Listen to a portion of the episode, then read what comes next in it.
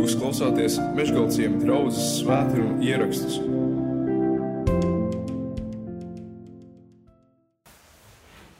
Es pagājušajā nedēļā satikos arī ar kādu, kādu brāli, un mēs eh, runājām par, eh, par bērnu audzināšanu.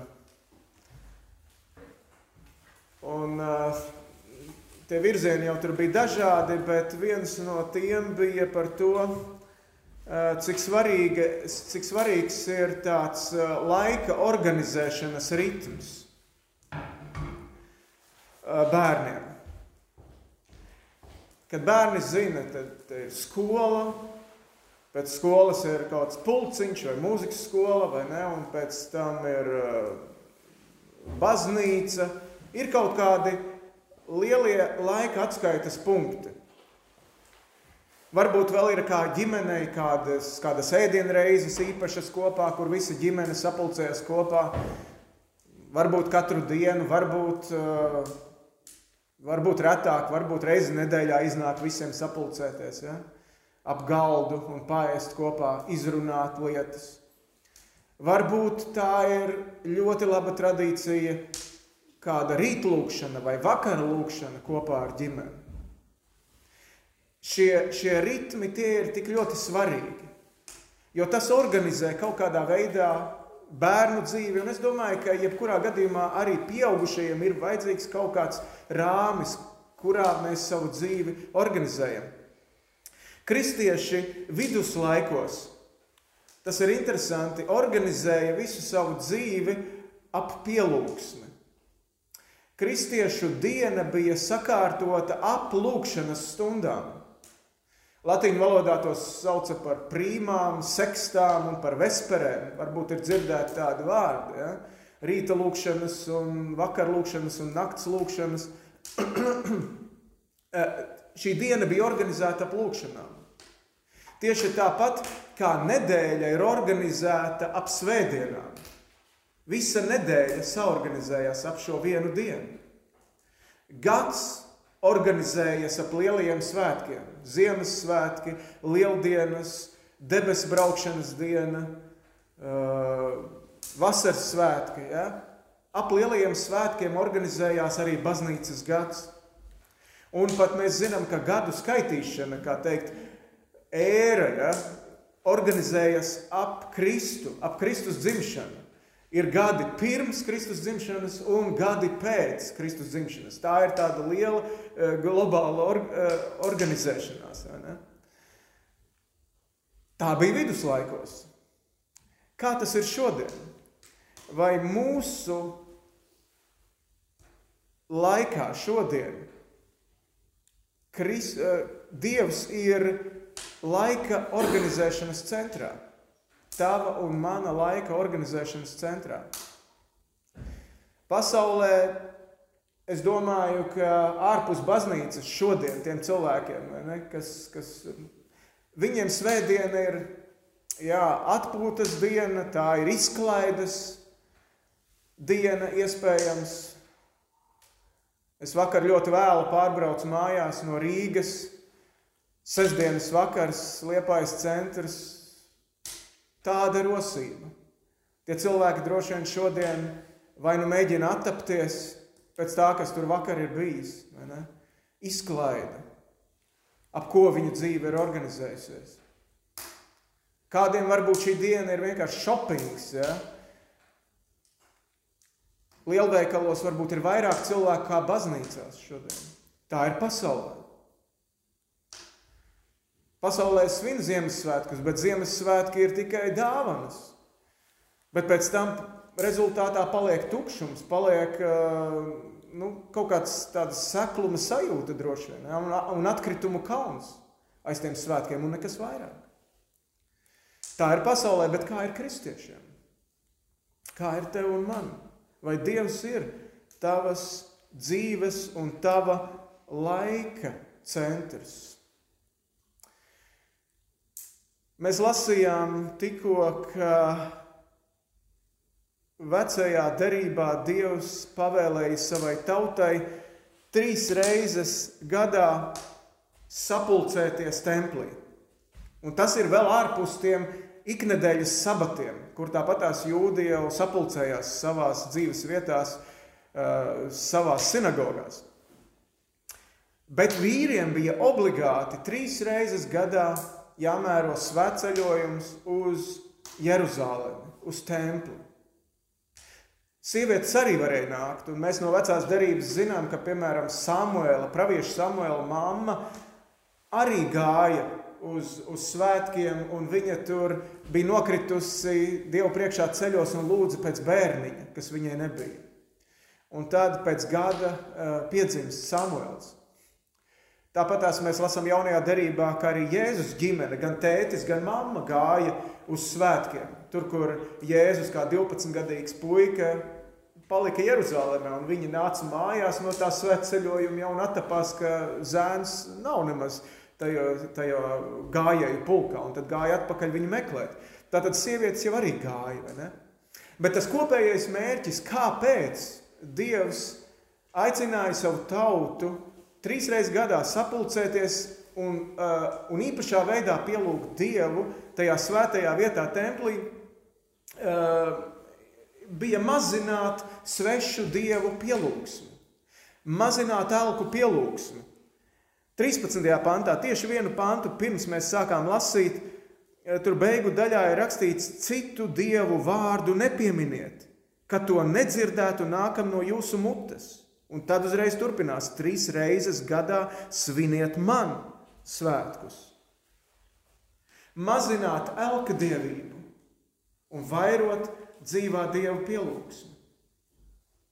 Šie trīs svētki bija tātad Paskas svētki, jeb tos arī sauca par neraudzētās maizes svētkiem, kurā svinēja to, atcerējās to, ka viņi kā tauta tika izvesti laukā no Eģiptes, no zemes, kurā šī tauta bija vergi kurā viņiem gāja grūti, kurā viņi sauca un raidīja savus saucienus uz debesīm, nāc, glābēji, palīdzi mums, izglāb mūs no tās ķēzes, kurā mēs esam iek, iekļuvuši. Un jau laikam 400 gadus, ja viņi jau tur bija vergi. Un tā nasta kļuva tikai ar vien lielāka. Un Dievs brīnumainā veidā viņus no turienes izveda. Desmit mocības eģiptiešiem nāca pāri galvai. Ja? Un tad pēdējā mocībā Dievs deva norādījumu nokaut jēriņu un ar tā asinīm ap, apzīmēt palodzes un, un durvju stenderes, un tad ies garām. Ies garām tas nāvis eņģēlis, kas iet pāri visai Eģiptes zemē. Un tie, kas bija sapulcējušies šajās mazajās draudzēs, mazajās komunās, mazajās kopienās zem jēriņa asinīm, ja, ne, tie palika dzīvi. Un tajā naktī viņi vienkārši vienā momentā tika izglābti, vienā momentā tika izvesti ārā. Un tajos svētkos viņi to atcerējās. Gadu no gada. Viņi kāva jēru, lieldienu jēru, viņi baudīja neraudzētas maizes, rūktas zāles, lai atcerētos to, ka viņi bija vergi, no kurienes viņi ir izglābti laukā. Otrie svētki bija pirmo augļu svētki jeb tos sauc arī par nedēļu svētkiem. Tāpēc, ka tie tika svinēti septiņas nedēļas pēc uh, Paskas svētkiem. Septiņas nedēļas, tātad tas ir 49 dienas. 50. dienā svinēja šos pirmo augļu svētkus.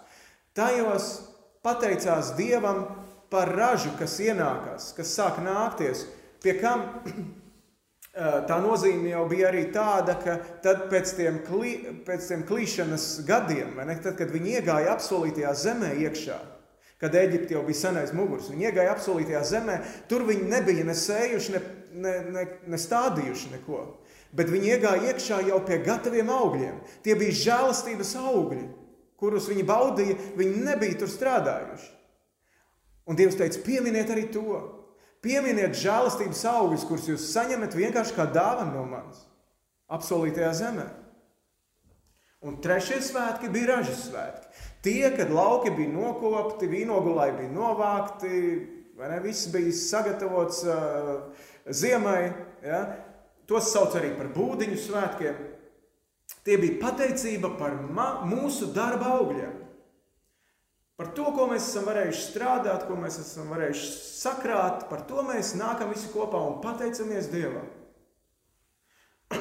Un mēs atceramies arī to, ka tad, kad mēs klejojām starp Eģipti un apsolīto zemi, tajā tuksnesī, Dievs mūs uzturēja 40 gadus.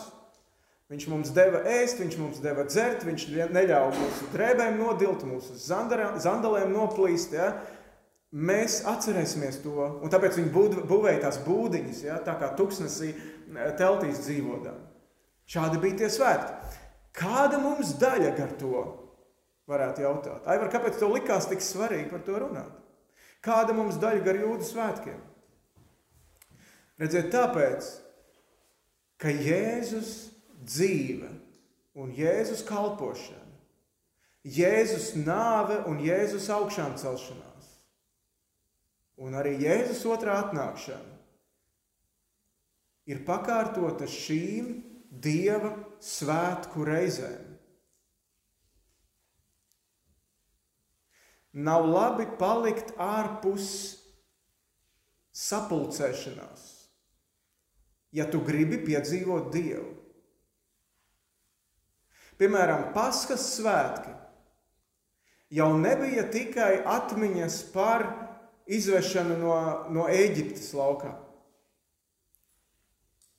Paskas svētkos, kas mē, mēs lasām jauno derību, tieši jūdu lieldienu svētkos Jēzus nāca uz Jeruzalemi,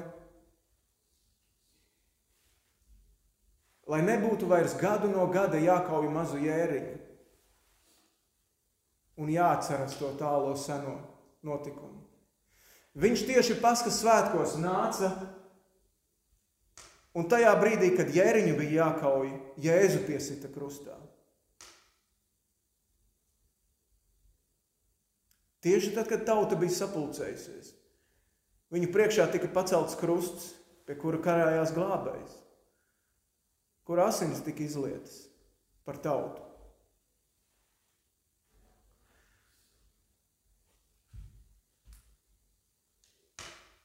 Pieminam to, Tā ir mūsu glābšana no mūsu, no mūsu grēkiem, no mūsu verdzības, no mūsu Eģiptes.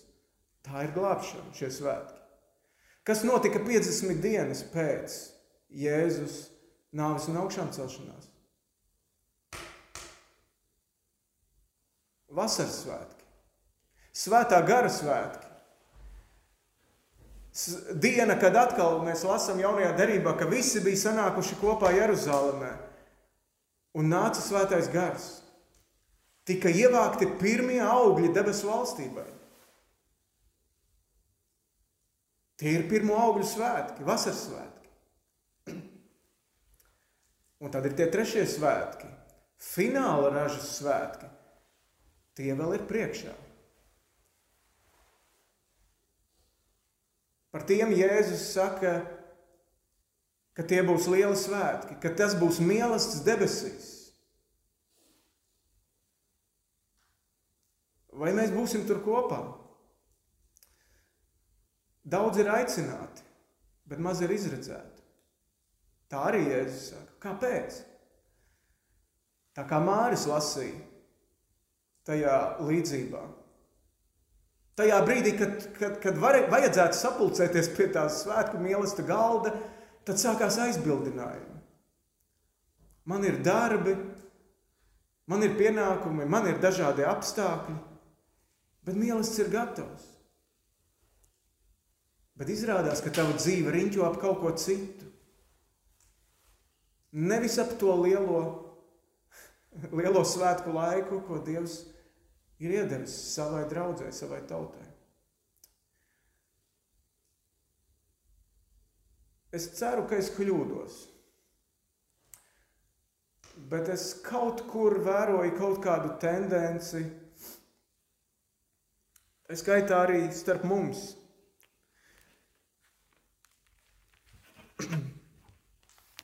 Redziet, jūdiem šie trīs svētki bija ļoti obligāti. Tas bija, bija Dieva prasība.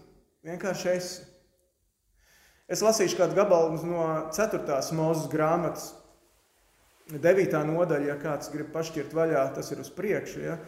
4. mūzes grāmata, 9. nodaļa, no 2. pantiņa. Būtībā jau no pašas nodaļas sākuma lasīšu. Un tas kungs runāja ar Mūzu Sinaja tūkstnesī otrā gadā pēc viņu iziešanas no Eģiptes zemes pirmajā mēnesī sacīdams, lai Izraēla bērni gatavojas paskā svētkiem noliktā laikā. 14. dienā šī mēnesī ap pievakari sataisieties tiem savā noliktajā laikā. Rīkojiet šos svētkus tā, kā visi likumi un manas tiesas to noteica. Tad Mūzus sacīja Izraēla bērniem, lai tie svinētu paskā svētkus. Un viņi svinēja paskā svētkus pirmā mēneša 14. dienas pievakarē Sīnaja tuksnesī. Viņiem tie bija obligāti svētki. Mēs kaut kādā veidā izvairāmies no šī obligātuma statusa. Mēs sakām, jaunā derība tā ir mīlestības derība. Tur ir jābūt kaut kam, vai ne tas, kas tev ir velk, varbūt vairāk, kur ir kaut kāds taurenītis vēderā, varbūt tāda sajūta. Bet mēs zinām, ka arī laulība, lai tā arī ir mīlestība, bet pie laulības tas nenozīmē, ka nevajag strādāt. Ne? Mēs sākām laulību, tagad uh, to, to satikšanos ar laulātajiem pāriem, laulāto pāru kursu. Un daži laulātie pāri saka, mēs labprāt pievienotos, bet īstenībā tur nav laika un ir apstākļi, maz bērnu un tā tālāk. Viņi saka, mēs jau varētu arī attālināt, mēs varētu vienkārši savā mājā arī noskatīties visu šo filmu un, un izpildīt uzdevumus. Es teicu, jā, tā jau var, viss jau kārtībā, nekas jau no tā sliktāks varbūt nebūtu, bet tas, ka mēs sanākam kopā, tam ir kaut kāda nozīme. Arī.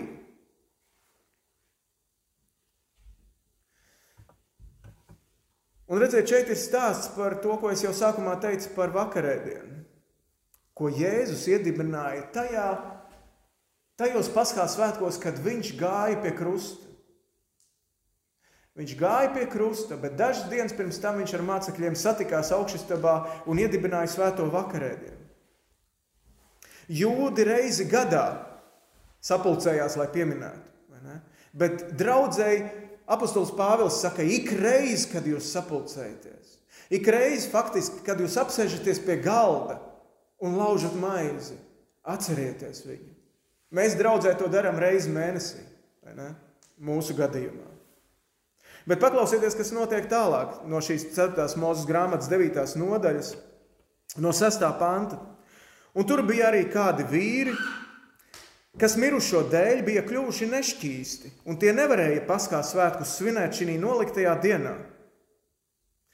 Tādēļ viņi piegāja pie Mozus un Ārona tajā pašā dienā, un tie vīri viņam sacīja: Mēs esam palikuši nešķīsti pie miroņa Kāpēc mums, mūsu tiesības tiek ierobežotas, ka mums neļauj pienest upuri tam kungam mums noteiktajā laikā kopā ar Izraēla bērniem?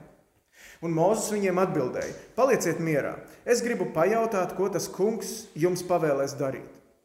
Un tas kungs runāja uz Mozu sacīdams: Runā uz Izraēla bērniem un saki, ja kāds no jums vai no jūsu pēcnācējiem ir pie miroņa palicis nešķīsts vai ir tālā ceļā, tad viņam tomēr būs tam kungam jātur paskā svētki. Otrā mēneša 14. dienā ap vakara laiku tie jums jātur ar neraudzētām maizēm un ar rūktām zālēm ir paskā jābauda. Tātad, ja ir apstākļi, ja tu atrodies kaut kur ceļā, tajā pirmā mēneša 14. dienā, vai esi saslimis, vai nu, nu, gadās, vai ne? Tad viņš saka, ja Dievs saka, nu, nākamajā mēnesī, tieši pēc mēneša, nāc un esi ne, upurē un piedalies paskā. Bet, ja jūtas bija šķīsts, un ja viņš neatradās ceļā tajā brīdī, pirmā mēneša 14. dienā, un tomēr nav kopā ar savu tautu templī šajos svētkos, Tad 13. pāns saka trakas lietas. Bet kas ir šķīsts un kas neatrodas ceļā, bet tomēr ir atrāvies no paskā turēšanas, tad tāda cilvēka dzīvība lai tiek izdeldēta no viņa tautas, jo viņš savu upuri tam kungam nav pienesis tam noteiktā laikā. Tāds cilvēks, lai nes savus grēkus.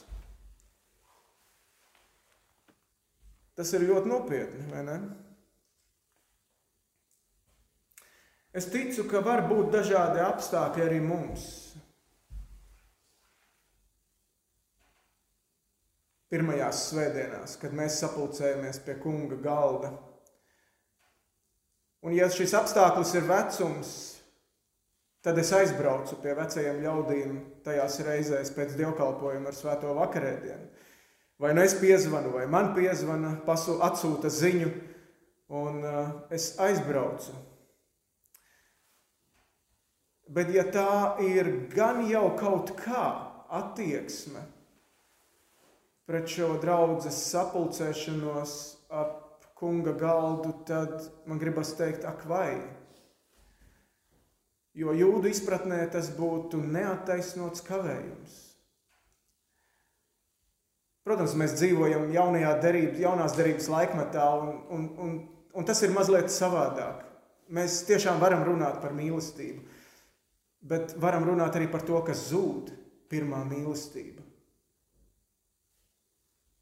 Jo tās pirmās mīlestības objekts varbūt vairs nav tava laika centrā.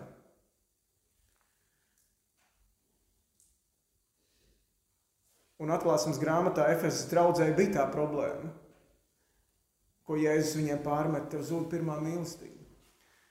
Un tad viņš saka, tad nu pārdomā. Tad nu pārdomā, ko tu esi pazaudējis un atgriezies.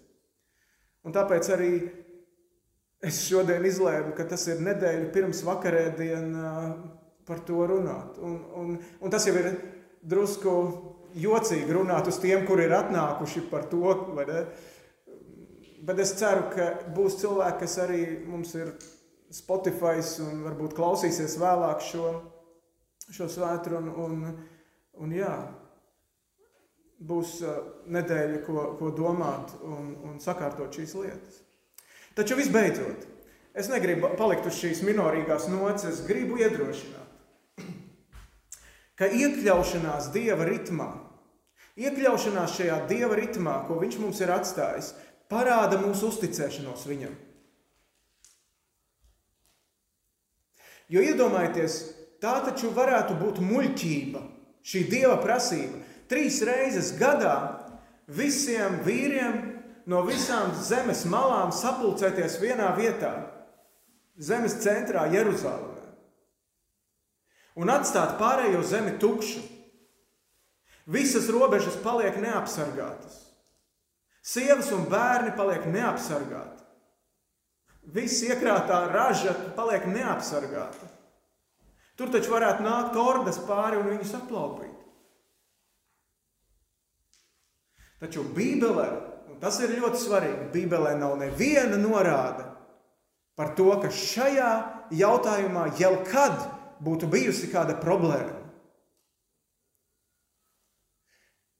Ka šo trīs svētku laikā būtu notikusi kāda problēma Izraēlas zemē.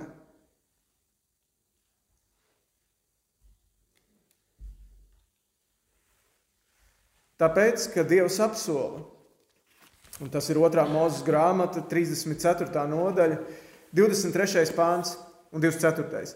Trīs reizes gadā ik viens vīrs, lai rādās Dieva tā kunga Izraēla Dieva priekšā.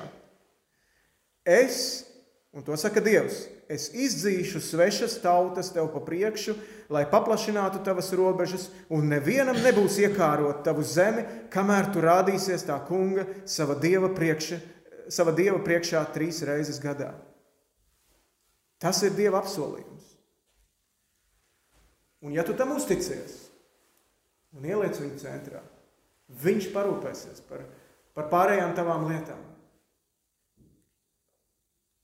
Vēsturē pirmā reize, kad būdiņu svētkos notiek viens asiņains slaktiņš, e, ir atrodams tikai 60. gadā pēc Jēzus Kristus. Tas jau ir pēc Jēzus Kristus dzimšanas, kad romieši Lidas pilsētā apkāva cilvēkus, kas bija palikuši tur kamēr pārējie bija sapulcējušies Jeruzalemē.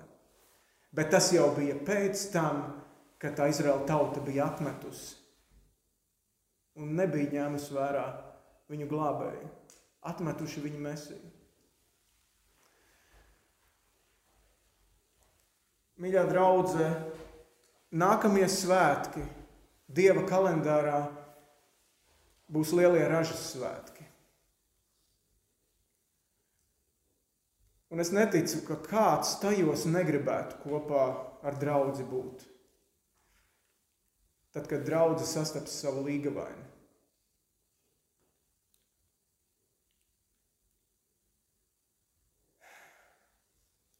Pielūgsim Dievu. Mēs tev, Dievs, pateicamies par, par visiem dzīves ritmiem, ko tu mums esi devis. Par ļoti personiskiem un eh, arī par draudzes dzīves ritmu, kuru tu esi atstājis mums. Mēs šodien gribētu tavā priekšā lūgt atdošanu par to, ka esam varbūt atstājuši to tādā pašplūsmā dažreiz. Un mēs gribētu atjaunot tevi centrā. Ja mēs arī tevi būtu pazaudējuši. Lai tu esi un tu paliec mums galvenais, svarīgais, ap kura galdu sapulcēties. Un atjaunot savu pirmo mīlestību uz tevi. Jo tu mūs esi mīlējis tik ļoti, ka savu dzīvību pie krusta esi atdevis, ka savu miesu esi ļāvis sakapāt un salauzt, ka savas asinis esi ļāvis izliet par mūsu grēka Eģipti. Lai nav nekā svarīgāka par tavas draudzes, tavas līgavas satikšanos ar tevi, ar tavu līgavu, ar, ar savu līgavaini. Jēzus vārdā mēs to lūdzam. Āmen.